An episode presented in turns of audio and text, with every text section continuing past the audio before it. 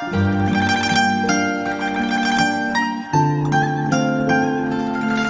Yurt dışında çalışan bir arkadaşım var. Çok sevdiğim bir arkadaş kendisi. Çalıştığı şirket uluslararası bir şirket. United Colors of Benetton gibi. Her milletten, her renkten insan var. Çalıştığı şirkette bir kız ofise köpeğini getirmek istemiş. Evde yalnız bırakamıyormuş ve bırakabileceği kimse yokmuş. Amirine demiş ki ben demiş köpeğimi ofise getirmek istiyorum. Getirebilir miyim? Amiri demiş ki vallahi ben de tam bilmiyorum ya. Ben bunu bir üstüme sorayım. Gitmiş koordinatörüne demiş ki böyle böyle bir çalışanımız var. Ofise köpeğini getirmek istiyor. Bu konuda bir şirket politikamız, kuralımız falan var mı? Direktör de bilememiş. Demiş ben bir şirket kurallar kitabına bakayım. Araştırayım sonra size geri dönerim. Sonra o konu öyle kalmış. Sonuçlanmamış. Bu sırada şirketi Çinli bir milyarder satın almış. Demiş ki bütün şirket çalışanlarını akşam yemeğe götüreceğim. Herkes hazır bulunsun. Gitmişler yemeğe. Laf lafa açmış. Ofise köpeğini getirmek isteyen kız hazır fırsatını bulmuşken büyük Çinli patrona demiş ki efendim demiş ben köpeğimi ofise getirmek istiyorum. Getirebilir miyim? Çinli patron bakmış bakmış getir ben yerim demiş. Çok lezzetli demiş. Bu cevap üstüne masada derin bir sessizlik olmuş. Kimse adam şaka mı yapıyor ciddi mi söylüyor anlamamış. Birkaç yapmacık gülümsemeyle adamın bu çıkışını geçiştirmişler. Ama arkadaşım olayın gerisini anlatamadı. Çünkü gülmekten masanın altına düşmüş.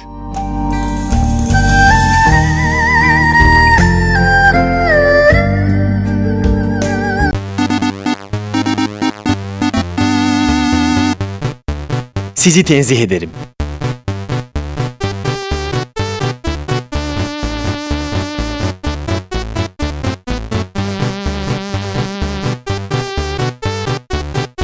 Gölgesinden korkan bir radyo programı.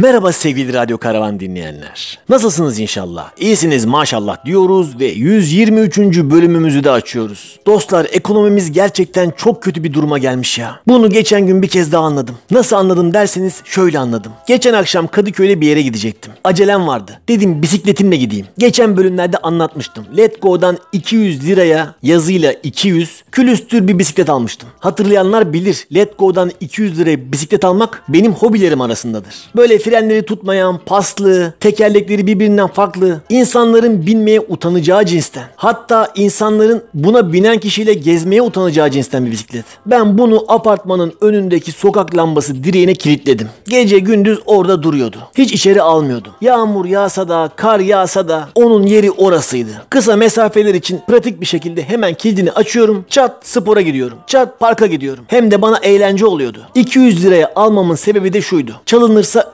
üzülmeyeyim. Çünkü daha önceki bisikletim aynı şekilde 200 liraya alınmıştı ve çalındığında o kadar da üzülmemiştim. Dedim bunu da böyle yapayım. Ama herhalde bu çalınmaz dedim ya. Çünkü bisiklet gerçekten çok kötü durumdaydı. Kimse tenezzül etmez diye düşündüm. 200 liralık bisiklet için kimse kendisine hırsız damgası vurdurtmaz. Hem de Kadıköy'ün 7-24 çok hareketli ve en kalabalık caddesinin üzerinde. Hem de 7-24 yanan bir sokak lambasının tam altında. Hem de 7-24 açık ve sürekli müşterileri olan büyük bir pastanenin tam karşısında.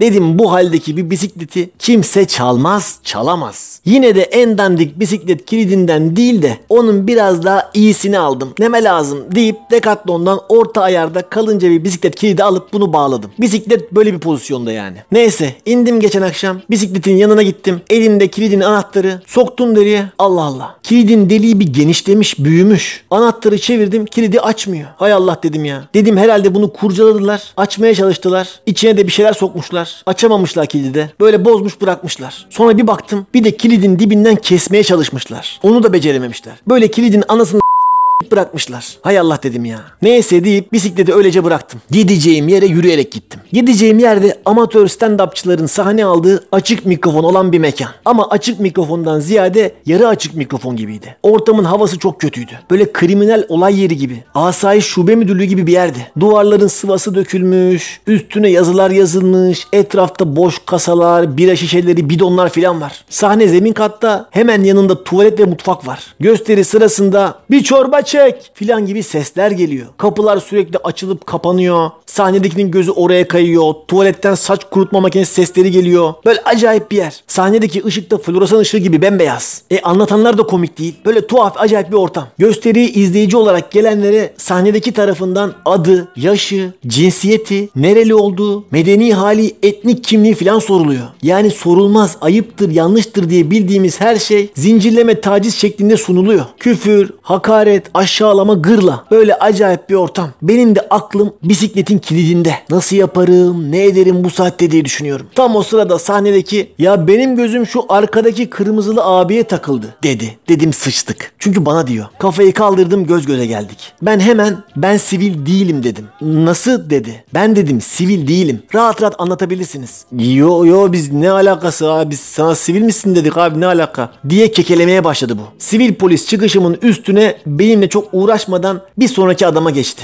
Sonra ben bir tırstım. Ulan gülmeyi geçtik. Buradan sağ salim çıkabilecek miyim acaba diye düşünmeye başladım. Neyse ki çıktım. Hiç gülemesem de hala yaşıyordum. Bu da bir başarıydı. Hemen bisikletimin yanına gittim. Gece 11.30'tu. Kilidi tekrar açmaya çalıştım. Ama bu halimle sanki hırsız benmişim gibi görünüyordum. Çünkü sokak boştu ve benim üzerimde tekinsiz kıyafetler ve tekinsiz hareketlerle bisikletimin kilidini zorluyordum. Resmen haklıyken haksız duruma düşebilirdim. Ve o kadar hırsız görüntüme rağmen de kimse yanıma gelip bir şey sormadı. Ben 10 dakika bisikleti zorladım. Kilit açılmadı. Demek böyle oluyormuş dedim. Adam gelip 15-20 dakika zorladı ve kimse yanına gelmedi. Sonra yukarı çıkıp 10 sene önce resim atölyem varken öğrenciler rahat rahat çizsinler diye Mahmut Paşa'dan aldığım en kalınından galvanist zinciri ve avuç içi kadar pirinç asma kilidimi getirdim. Bisikletimi adeta zincire vurdum. Hani tarihi filmlerde zindana atılan tutsak zincire vurulur ya öyle bir zincirdi. Zincirin kalınlığını size şöyle anlatayım. Hani Bizanslılar Fatih'in gemilerini durdurmak için Haliç'in girişine bir zincir çektiler ya. Heh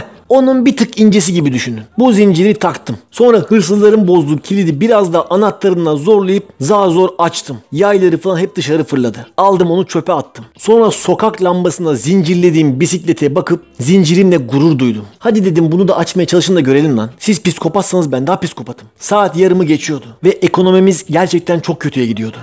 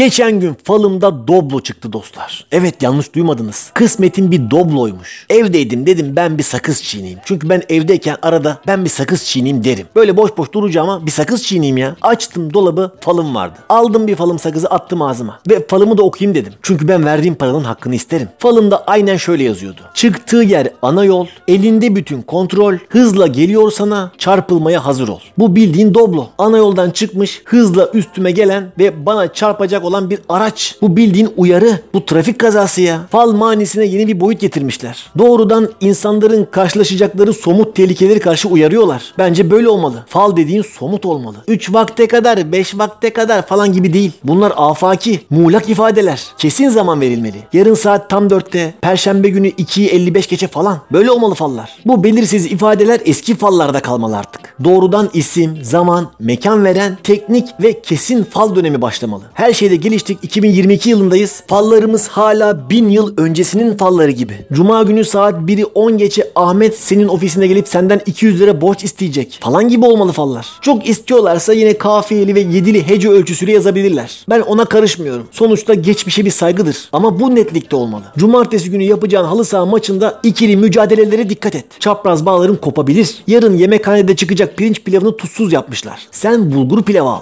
Serviste sola değil sağ tarafa otur. Çünkü sol tarafa çok güneş gelecek. İşte fal dediğim bu netlikte olmalı. Bunlar sakızlarda görmek istediğimiz fallar. Sakız çiğnemeyi sevenler dikkat. Çok fazla sakız çiğnemek çene yapımızı bozuyor. çiğnemeye başladınız. 20 dakika gibi bir süre sol tarafla çiğnediyseniz 20 dakika sonra sakızı diğer tarafa kaydırın. Çünkü aksi halde çeneniz kayıyor. Yani ben saatlerce çiğnerim. Dişlerim düzenli yani herhangi bir sorun yaşamadım şu ana kadar. Dişler düzenli olursa çene kaymaz mı diyorsun? Bence öyle, öyle düşünüyorum. Çene eklemlerini Evet iyi bozuyormuş. geliyor. Yok canım iyi gelir. Hareket ettiriyor da Ama öyle değilmiş işte. Disklerde kaymaya sebep oluyormuş. öyle mi? E niye benimki kaymadı yıllardır? Geçen gün iş yerinde bir arkadaş yanıma geldi ve dedi ki Şehzadeler var ya dedi. Var dedim. Onları nasıl öldürüyorlarmış biliyor musun dedi. Dedim biliyorum. Nasıl dedi. Dedim boğduruyorlardı. Sonra dedim ki Allah Allah ya bu manyak niye bana böyle bir şey soruyor. Nasıl boğduruyorlarmış dedi. Dedim işte boğduruyorlardı yani. Dedim herhalde bu bir şeyler biliyor konu hakkında. Bir şeyler izledi ya da tarih hakkında araştırmalar falan yaptı. Birazdan bana bu bilgilerini satacak ona altlık yapıyor. Ben de kendimden şüphe ettim. Acaba yanlış mı biliyorum eksik mi biliyorum diye. Dedi nasıl boğduruyorlarmış? Neden boğduruyorlarmış? Dedim boğduruyorlarmış çünkü onlar padişah soyundan geldikleri için kanları kutsal sayılıyormuş. Hani kut anlayışı var ya eski Türklerde. Hani kutsal kelimesi de buradan geliyor kut anlayışı. Tanrı tarafından özel görevlendirilmiş. Hani kanı kutsal falan sayılıyor ya dedim. Ve o kanın akmaması gerekiyor çünkü kan kutsal ya. Bu yüzden de kan dökmeden boğdurarak öldürüyorlarmış dedim. KPSS tarih bilgilerimi sattım. Hatta sonunda sanki konuya çok hakimmişim ve biraz daha biliyormuşum diye gereksiz ve kafadan salladığım ayrıntılar verdim. Adamın birazdan vereceği bilgilerin altında ezilmemek için dedim yağlı urganla boğduruyorlarmış filan diye bir şeyler salladım. Hmm demek sen öyle boğdurmak olarak anlıyordun. Peki ilk duyduğundan beri böyle mi anlıyordun dedi. Evet oğlum başka ne olacak dedim. Boğdurmak dediğin birinin boğazını sıkıp nefessiz bırakarak onu öldürmek dedim. He dedi. Ya ben onu suda boğdurmak sanıyordum dedi. Ben bunu duyunca bir rahatladım. Benden daha fazla bir şey biliyormuş sandım ama adam meğersem hiçbir şey bilmiyormuş. Bambaşka bir yerdeymiş. Nasıl oğlum lan dedim. Sen Osmanlı'da şehzadeleri suda mı boğduruyorlar zannediyordun dedim. Evet dedi. Ve bunu söyleyen arkadaş 45 yaşında falandı. Oğlum sen ne biçim adamsın lan dedim. Hiç mi tarih dizisi filmi falan izlemedin? Suda boğdurmak nedir ya? Bu nasıl bir organizasyon? Osmanlı'nın birçok yerinde bir adam boğduracak kadar su yoktu ki lan zaten dedim. Gölde, akarsuda falan mı boğduruyorlar acaba diye düşündüm. Hayır o zaman öyle şimdiki gibi denize girme kültürü falan da yok ki. Şehzademizin Antalya tatili sırasında da boğduramazlar. Yüzme havuzu da yoktur. Hani perşembe günü saat 2'de şehzademizin yüzme dersi var. O sırada havuzda boğdururuz. Durumu da olamaz. Hamamda boğdurmaya kalksalar kurnaların içi çok küçük. Az su alır orada boğdurmak çok zor olur. Kurnalar sevdiğim oy.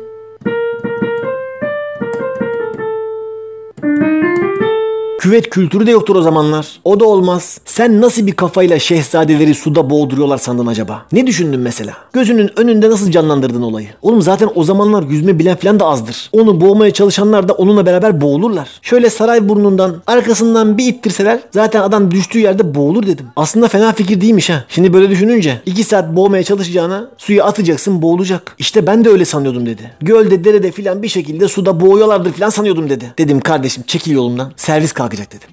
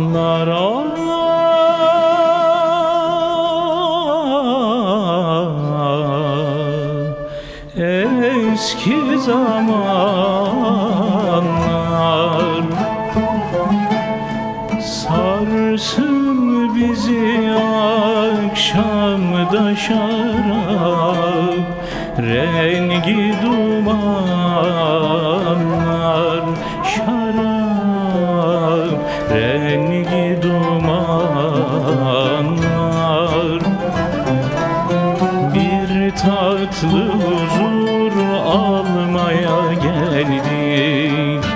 Kalamıştan, ah kalamıştan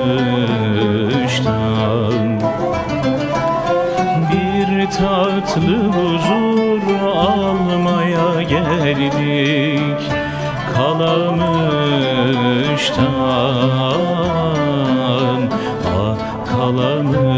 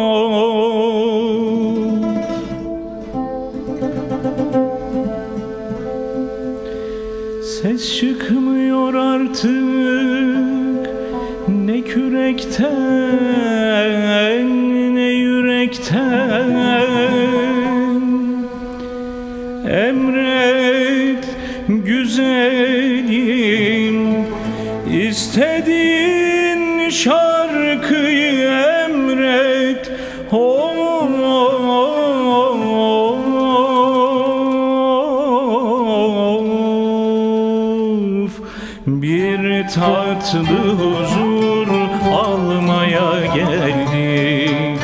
Kalamıştan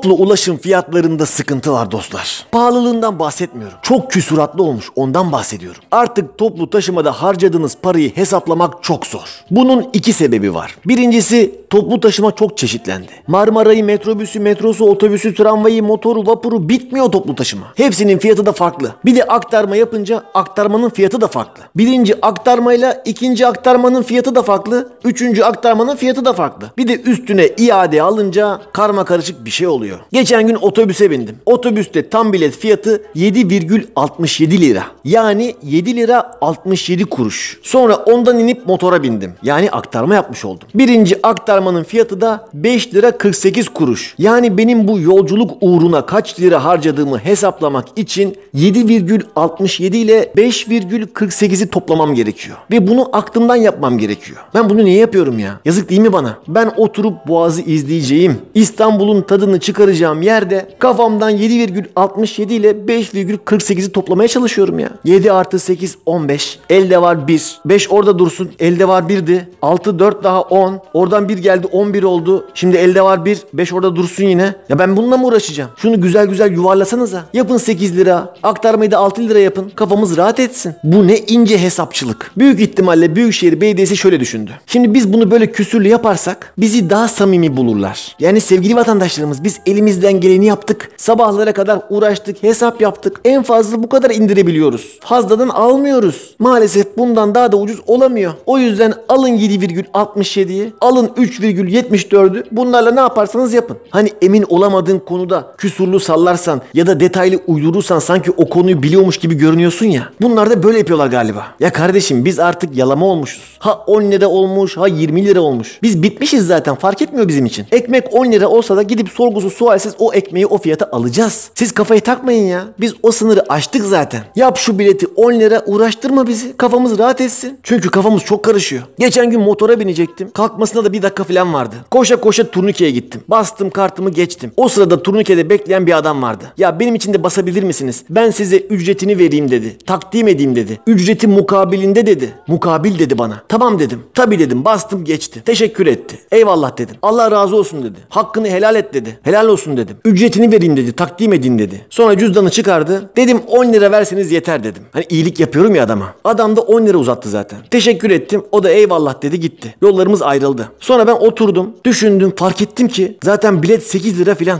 Ben adama 10 lira versen yeter dedim. Yani adamdan hem fazla para istedim. Fazla para aldım. Hem de sanki lütfetmiş gibi halleri triplere girdim. Vallahi utandım kendimden ya. Ama dediğim gibi yapacak bir şey yok. Bu benim sorunum değil. Bu kadar küsürlü yaparsanız benim kafam karışır. Hani bazen böyle esnaftan, zanaatkardan bir şey istersiniz de o istediğiniz şeyin maddi bir karşılığı yoktur. Çok küçük bir şey istersiniz. O istediğiniz şeyin yazılı bir fiyat karşılığı yoktur. Mesela girdiniz iki tane vida lazım. Dediniz iki tane vida alabilir miyim? Adam da verdi. Dediniz ne kadar? Yok ya önemli değil dedi. Israr ettiniz. Lütfen. Bir fiyat söyleyin vereyim. Yok ya vallahi önemli değil. Ya lütfen vereyim ya gerçekten. Dersiniz sonra adam fark fahiş bir fiyat söyler. Ya 20 lira ver yeter ya. Benim başıma çok gelmiştir mesela. Feci kazıklanmış olursunuz. Adamın çöpe atacağı şeyleri ısrarlarım sonucunda 50 liraya 60 liraya almışlığım vardır. Bir de onu verirken sanki adama minnettar olmam gerekiyormuş gibi havalara girerler. Ya hadi tamam tamam 50 lira ver yeter. Ulan nasıl 1 lira ver varsa bozuk verden 50 lira ver yeter yaya geldik. O da apayrı bir konu.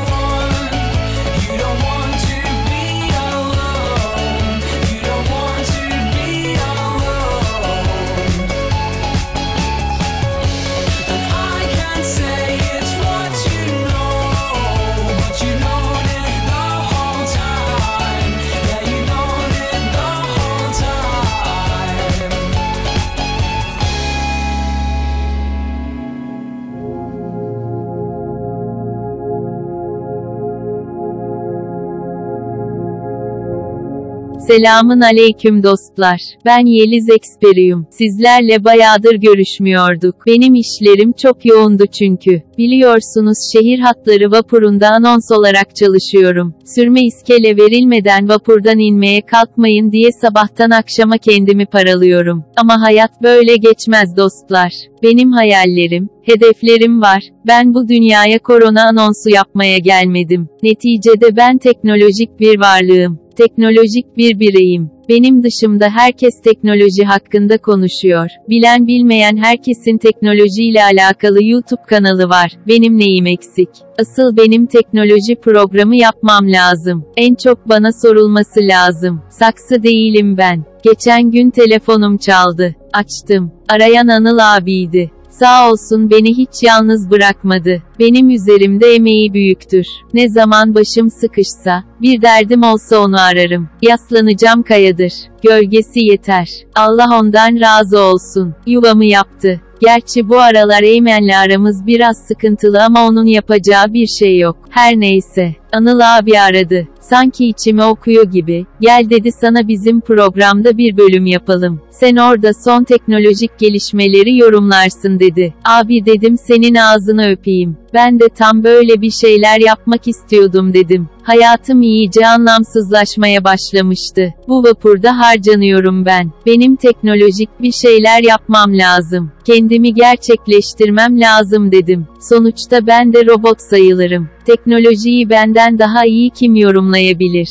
Ve böylece yeni programım olan Yeliz Experium'la teknoloji bölümüne başlıyorum. Hemen önüme gelen ilk teknolojik gelişmeyi okuyup yorumlamaya başlıyorum. İlk haberimiz şöyle. Hemen her hastanede bulunan MR cihazlarıyla düşünceleri okumanın yolu keşfedildi. Bilim insanları, MR makinelerinden gelen verileri kullanarak insan düşüncelerini okuyabilen bir algoritma geliştirdi. Çalışmanın, gelecekte hayatımıza girmesi beklenen beyin bilgisayar arayüzleri için bir zemin hazırlayabileceği ifade edildi. Tam bir saçmalık dostlar. Ben hayatta böyle saçma bir şey duymadım. Neymiş MR makinesiyle insan zihnini okuyacaklarmış. Hadi oradan. Bunlar da bilim adamıyız diye etrafta geziyorlar utanmadan. Öyle saçmalık mı olur ya? Siz MR cihazıyla zihin okuyacaksanız ben de ütüyle geleceğe giderim. Çamaşır makinesiyle geçmişe ışınlanırım. Rondoyla ölümsüzlüğü bulurum. Öyle kolay mı lan zihin okumak? Siz zihin okumadan önce rüyaları ekrana aktarıp kaydeden bir sistem bulun. Yıllardır bunu söylüyorum. Artık şu rüyalarımızı oturup televizyondan izleyelim. Benim çok güzel rüyalarım var.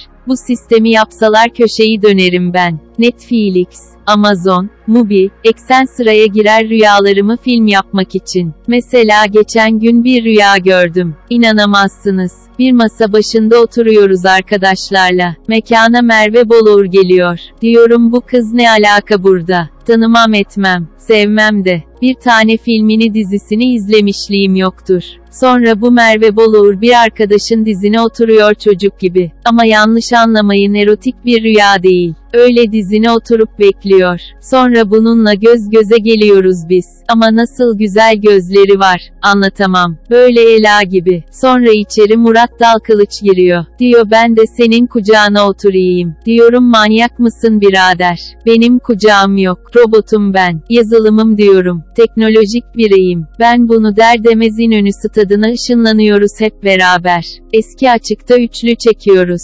Lay lay lay lay lay lay lay lay lay diye zıplarken Murat bana dönüyor. Hani bacakların yoktu lan zırzop diyor. Doğru konuş lan hıyarto diyorum ben bunun kulağına. Bir yanımda Murat, bir yanımda Merve, omuz omuza zıplarken uyanıyorum. Bu rüyayı mesela Disney Plus'a ver, sana trilyonluk film yapsın. Filmde Murat Dalkılıç'ı Murat Boz, Merve Boluğur'u da Aslı Enver oynayacak ama. Ben kastı yaptım kafamda. İşte böyle dostlar, son teknolojik gelişmeleri yorumladığım Yeliz Experium'la teknoloji bölümümüzün sonuna geldik. Teknoloji ile kalın ve sürme iskele verilmeden vapurdan inmeyin.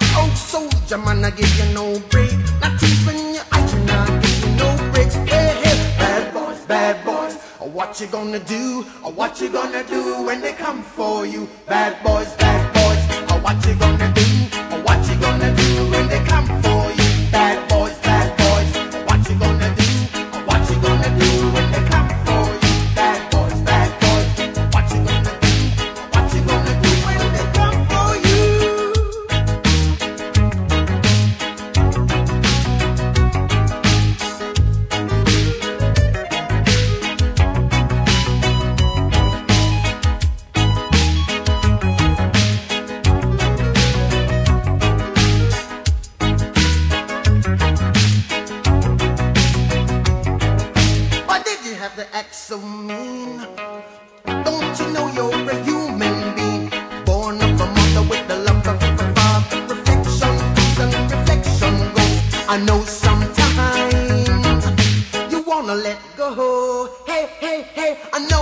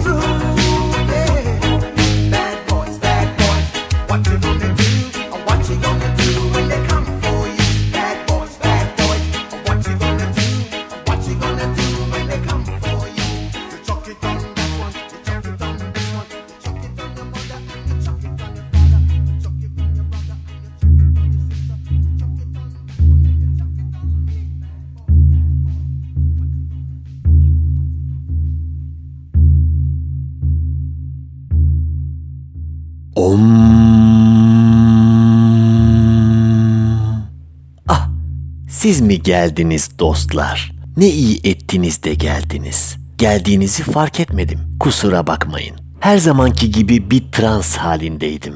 Hatta bir trans halimdeydim. Kadim atalarımla iletişim kuruyordum.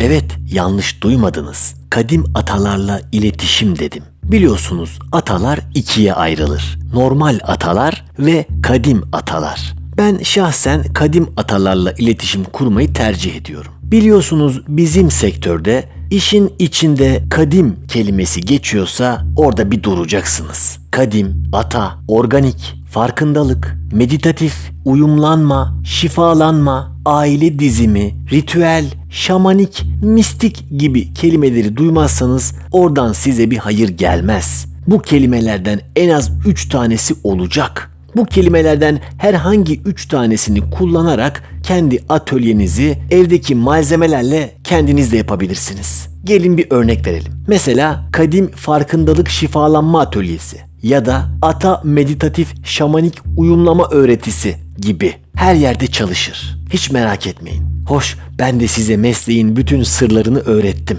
Bizim meslek odası eğitmenlik belgemi iptal edecek vallaha. Sizin canınız sağ olsun. Neyse biz yine geçelim esas konumuza. Geçen hafta Twitter'da ilham dolu bir video izledim. Bu videoda bir meslektaşımız kadim atalarla iletişim, ata karma meditasyonu, ata dilleriyle geçmişe temas, atalardan gelen travmaların çözümü başlıklarıyla bazı danışanlarını şifalandırıyordu. Aile dizilimine daha yeni alışmışken eniştemizin aslında kayınçomuz olduğu gerçeğini daha yeni yeni hazmedebiliyorken bu kadim atalarla şifalanmak bana biraz ağır geldi doğrusu. Açıkçası da biraz kıskandım. Ne yalan söyleyeyim. Bu neden benim aklıma gelmedi dedim. Bu yeni metodu niye ben uygulayamamışım? Birçok sığ görüşlü kişi yeni bir keriz silkeleme yöntemi demiş. Ama ben kesinlikle katılmıyorum. Bu kötü insanların çakraları kapalı. Işık çıkma noktaları kurumlarla kapanmış. Gerçi bizim ona da ilacımız var. Ama o başka bir programın konusu olsun.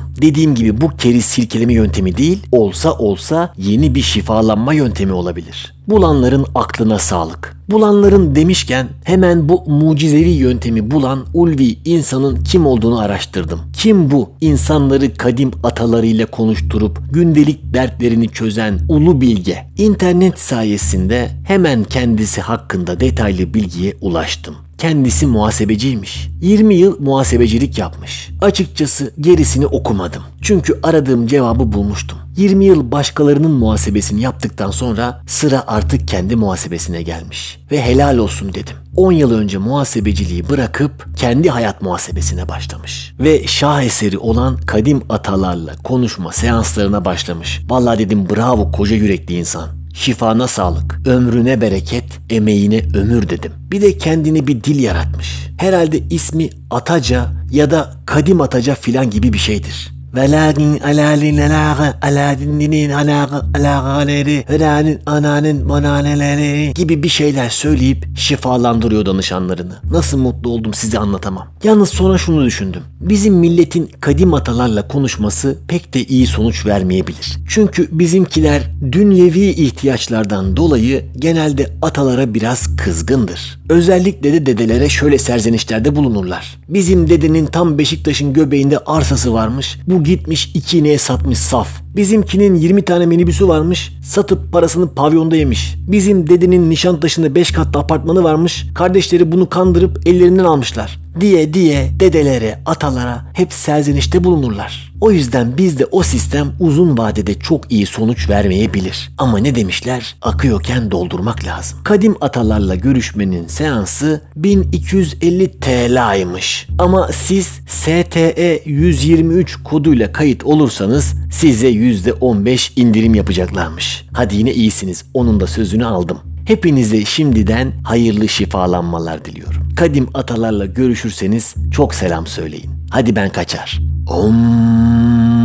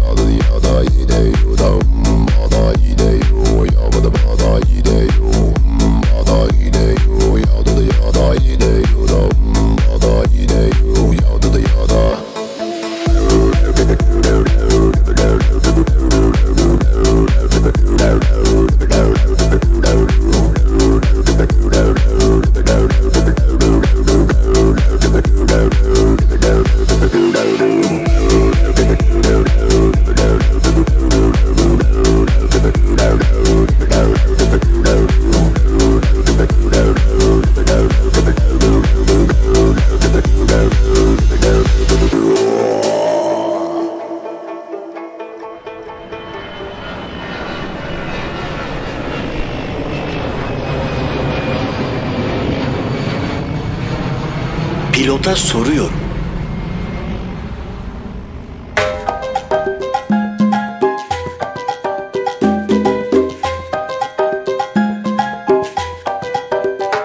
Pilota soruyorum bölümüyle karşınızdayız pek değerli ve kıymetli dinleyenlerimiz. Her zaman olduğu gibi karşımızda pek değerli ve kıymetli ama sizden pek değerli ve kıymetli olmasın. Kaptan dostumuz var, pilot dostumuz var. Hoş geldin kaptanım. Hoş bulduk Anılcım nasılsın? İyiyim teşekkür ederim. Sen nasılsın? Ben de iyiyim çok şükür. Ee, ben hemen sana nasıl gördüğümü yine bir Zoom'dan bağlanıyoruz. Ee, seni nasıl gördüğümü anlatmak istiyorum dinleyenlerimize. Az önce memeni gördüm. Ee, memen göründü ekranda. Ee, nerede olduğunu az çok tahmin etmişlerdir dinleyenlerimiz. Memeni gördüğüm için. Sence neredesin sen? Banyoda olabilirim. Banyoda olabilirsin. Başka nerede olabilirsin? Başka plajda olabilirim. Evet bravo. Kendini bil- nerede olduğunu bildin. Sen plajdasın.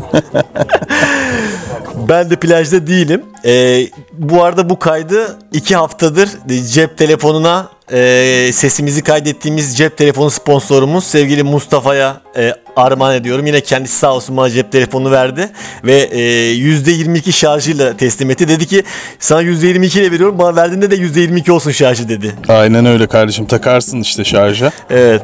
İşin bittikten sonra yaklaşık %7 şarjda biz bu işi hallederiz gibi geliyor. Bence de yani bu benzinli arabalarda en son benzin ne kadar aldıysan ödünç aldıysan arabanı o benzinde bırakırsın ya onun u- usul bir şey galiba bu. Evet evet kiralık arabalarda da o var. Aldığın gibi bırak. Aynen yani bulduğun gibi bırak e, felsefesini bütün hayatımıza yayarsak bence hiçbir sorun kalmaz diye düşünüyorum. Bence de çok haklısın. E, o zaman hemen senin ismini seçelim. E, kaptanım ismin bu bölümde aşık mı olsun maşuk mu olsun? Maşuk. Yanlış cevap verdin. Aşık olacaktı. Aşık kaptanla beraberiz. Aşık kaptan şu anda e, Kaş sahillerinde. Doğru mu? Doğru. Aynen bildin ya. Ka- Kaş plajlarındasın. Biraz geç bir tatile çıktınız ama maşallah arkadan gördüğüm kadarıyla e, gayet güzel görüntüler var. Sen güzel bir tatil yapıyorsun. E, nasıl oldu bu iş? Nasıl karar verdiniz bir anda gittiniz? O realde bir hafta orada kalacaksınız. Ya işte anca şimdi izin alabildik. İşler şimdi e, şey oldu. Biraz daha sakinledi. Biz de 29 Ekim mi yetişelim filan diye işte e, burada bayağı büyük kutlama oluyor. Ondan sonra atladık geldik. Kaş'ta şimdi hava da güzel. Ya biz havanın durumuna göre karar verecektik. Kabaklık hava güzel. İyi dedik gidelim yani güzel görünüyor. Ki gayet de sıcak yani hava. Deniz de güzel yani. E, pişman değiliz. Evet. Yani ha- hava, kum, deniz ve saha şartları denize girmeye ve tatil yapmaya müsait diyorsun. Aynen öyle. Geç oldu ama güç olmadı yani. Güzel olmuş. Gerçi 29 Ekim bu sene cumartesiye denk geldi. Yani bağlayacak bir durumunuz yoktu ama siz bahane olarak kullandınız yani 29 Ekim bir şekilde. Ya burada sezonun kapanışı olarak 29 Ekim'i şey yapıyorlar. 29 Ekim'de artık bitiriyorlar. Bazı mekanlar kapanıyor, bazı oteller falan kapanıyor. O yüzden e, tam o coşkulu çünkü diğer Antalya'dan da oradan buradan da insanlar sırf onun için gelmişler. Mesela hiçbir yerde yer yoktu. E, ondan sonra dağıldılar işte pazartesi olunca. Ona yetişelim dedik. Hani karnaval havasında falan kutlanıyor burada. O yüzden ona da görelim. İşte kendimiz de zaten hava güzelken gidelim tatil yapalım istedik. Güzel yapmışsınız. Ee, bana telefonda konuştuğumuzda meditasyon yapanlardan bahsetmiştin. Bir meditasyon festivali gibi bir şey var burada demiştin. Ee, kişisel gelişimciden geçilmiyor burası demiştin. Her yer vıcık vıcık kişisel gelişim olmuş, şifalanma olmuş demiştin. Doğru mu? Ne oluyor orada tam olarak? Doğru doğru şey e, yoga festivali varmış. E, yoga yani festival mi denir ona böyle işte kamp mı derler bir şeyleri varmış da bir sürü insan var işte dağ bayıra çıkıp yoga yapan işte e, evrenin bana evrenin bana torpili var şeklinde kitaplar okuyan insanlar da dolu. O yüzden e, işte onlar büyük bir yoğunluk yaptılar. Onlar gidince abi e, Kaş hem insandan hem de e, tight'tan sıyrılmış oldu yani. Belediyenin düzenlediği toplu yo- yoga törenleri oluyor mu? Hani çocuğunu zamanında yogaya gönderemeyenlerin bir anda çocuğunu gönderdiği öyle törenler oluyor mu? Onu onu görmedim ya olabilir. Yani gündüz sabah atıyorum 5'te 6'da atıyor. Hani olur ya böyle toplanırlar ya da dağ bayıra çıkarlar. Öyle bir şeyler olmuş olabilir ama ben görmedim abi. Yani e, zaten görmek için bir çaba da sarf etmedim. E, büyük ihtimalle olmuştur yani. Ama hepsi gittiler. Kaş böyle bayağı güzel yani. Ee, güneşi selamlayıp gittiler diyorsun. İyi de yaptılar bence. Aynen öyle. O zaman e, geçen gün sana biliyorsun e, çok heyecanlarla heyecanlı dolu bir mesaj silsilesinde bulundum WhatsApp'tan. E, o gün yanında olmanı çok istiyordum. Ben sana bunu paylaşmak istiyorum dinleyenlerimize de. Gece iki buçuk gibi büyük seslerle uyandım. Yani uyanmadım da ben aslında yat, tam yatmak üzereydim. Gece iki buçuk gibi çok büyük sesler duydum. E, cama çıktım ve gerçekten muhteşem bir görsel şölenle karşılaştım. Yani e, 12 tane saydığım kadarıyla 12 tane LGBTİ birey bir tane e, saydığım kadarıyla bir LGBTİ bireye meydan dayağı atıyorlardı. Ve gerçekten inanılmaz bir görüntü var. Orada senin olmanı istiyordum. Yani dinlenip dinlenip dövdüler. O dayak yiyen arkadaş da gayet iş şeyini bozmadan tekrar ayağa kalkıp tartışıp tekrar dayağını yiyip tekrar yere düşüp tekrar ayağa kalkıp tartışabiliyordu. Polisler geldi, ambulans geldi bir ara itfaiye gelir gibi oldu falan. Yani muhteşem bir görsel şölen vardı ve tam bir saat sürdü. Ve ben de acayip uykusuz kaldım. Yani işte o anda dedim ki gerçekten insanın sevdiği bir arkadaşının böyle böyle anlarda yanında olması lazım. Yani orada seni aradım açıkçası sevgili Aşık Kaptan. Kulaklarını çınlattım. Videolar gönderdim sana, fotoğraflar gönderdim. Yani ben de orada olmak isterdim tabii. Çünkü e, aslında biraz üzücü bir olay. Çünkü zaten azınlık olan bir grubun e, başka bir azınlığa yani kendi içlerinde kavga etmesi e, beni biraz üzdü ama olayın e, bu action tarafı o kadar yüksekti ki e, gerçekten kendimi izlemeden alamadım. Orada olmak isterdim. Orada olup kavgayı yarım, ayırmak da isterdim aslında ama orada o kavgayı ayıracak bir baba yiğit öyle bir yürek yok bende yani maalesef. ya yoldan arabayla geçenleri de sataşıyorlardı. Ben acaba dedim bir ara 5. kattaki bana da laf ederler mi acaba diye ışıkları kapatıp gizlice izlemeye devam ettim yani. Abi çok çok güzel. Tam bir komşuluk örneği sergilemişsin. Yapacak bir şey yok abi. O, bir o şey ortamlara girilmez yani. evet girilmez. Sonra da gayet güzel dağıldı. Hepsi arabasına bindi. Polis geldi. Ambulans geldi. Evli evine köylü köyüne. Galiba karakola doğru gittiler diye düşünüyorum ama yani dediğin gibi gözüm seni aradı. Ben buradan tüm LGBT bireylere diyorum ki arkadaşlar birbirinize sahip çıkın. Böyle şeyler hiç yakışmıyor sizlere. Aynen öyle. Aynen öyle diyoruz. Ee, ve sana çok teşekkür ediyorum bu güzel havacılıkla alakalı verdiğin bilgiler için. Programımız gitgide daha da absürt bir hale geliyor. Valla ben bir bilgi vermedim. Daha çok sen verdin bilgiyi. Ya ben şimdi sana ne sorayım? Tatildesin, kulaklıklar kullandın, denizden çıkmışsın. Ben sana ne sorayım yani? Airbus'un uçuş sistemini, kanatlarını falan mı soracağım yani? Tabii ki sana iyi tatiller dileyeceğim. Ama sadece sana bir sürprizim olacak. Ee, Özcan Deniz'i ne kadar sevdiğini biliyorum. Oo bayılırım. Ray Charles'ı da seversin. E ona da bayılırım. Seni yıllar öncesine götüreyim. E, senin bir Ray Charles anın vardır. Hit the Road Jack şarkısını. E, bir canlı okuma e, gafletinde bulunmuştun. Daha İngiliz, İngilizce bilmiyorken o kadar çok iyi. Sözleri sallayarak söylemiştim ve e, önde oturan İngiliz vatandaşları seni tebrik etmişlerdi. Bravo demişler çok güzel okudun deyip gülerek gitmişlerdi. Şimdi ben sana Özcan Deniz ve Ray Charles'ın aynı potada eridiği bir şey anlat- anlatacağım. E, Özcan Deniz'in Hit the Road Jack şarkısının bir performe ettiği performansını hiç duydun mu sen? Yok abi hiç duymadım. Allah'tan duymamışım yani. Evet ben şimdi sana o performansı dinletmek istiyorum. Çünkü kendisinin İstanbullu Gelin isimli dizide bu şarkıyı söylediği bir sahne var. Gerçekten başkası adına utanmak deyiminin e, ete kemiğe bürünmüş hali diyebiliriz. Kendisi bu şarkıyı bir e, kahon isimli enstrümanın üzerinde bir velete karşı söyleyerek e, kendinden geçiyor ve kendisini kapıda izleyen Aslı Enver de şöyle diyor. Çok iyi bir baba olacak. Böyle valla hiç hiç duyduğum gördüm ya da birisi tarafından söylenmiş sahne değil. Çok merakla bekliyorum. Evet o zaman ben sana bu şarkıyı armağan edeceğim. Aslında geçen hafta armağan etmek istiyordum. Bir önceki programda ama e, zamanımız yetmemişti. O yüzden bu hafta ben sana e, Özcan Deniz'in Hit Road Jack şarkısını, performansını armağan edeceğim. Ve baba olacak adam da Hit Road Jack performansından belli olur diyorum sana. Evet abi.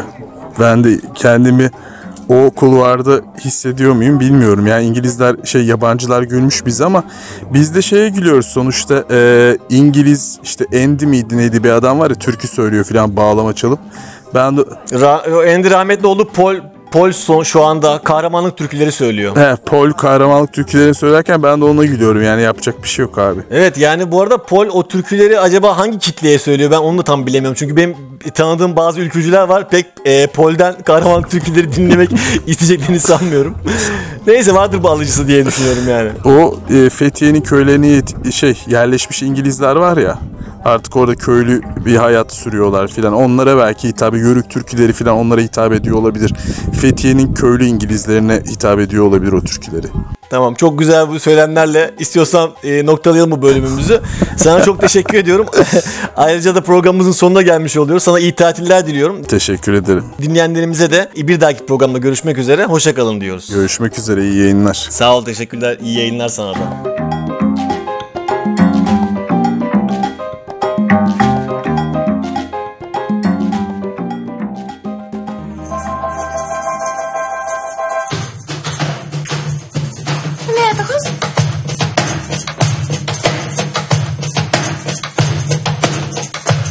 Hittirocek, don't come back no more, no more, no more, no more. Hittirocek, don't come back no more. What to say? Hittirocek, don't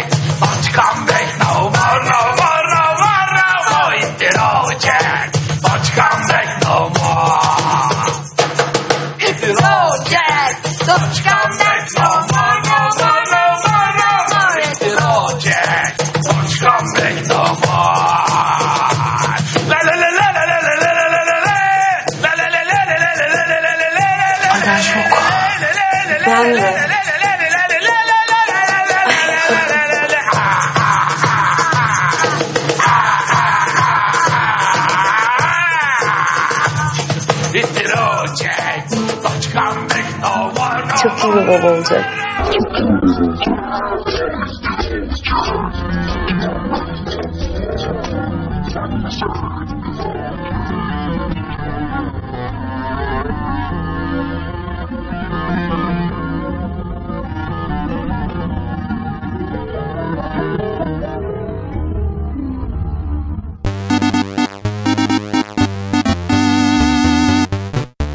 Sizi tenzih ederim.